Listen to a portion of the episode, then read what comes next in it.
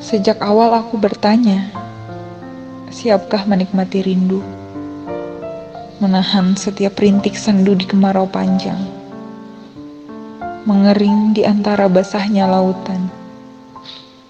Berjuang melawan ketidaktahuan. Sampai kita berdiri pada satu titik pertemuan. Ini bukan lagi soal jarak dan waktu.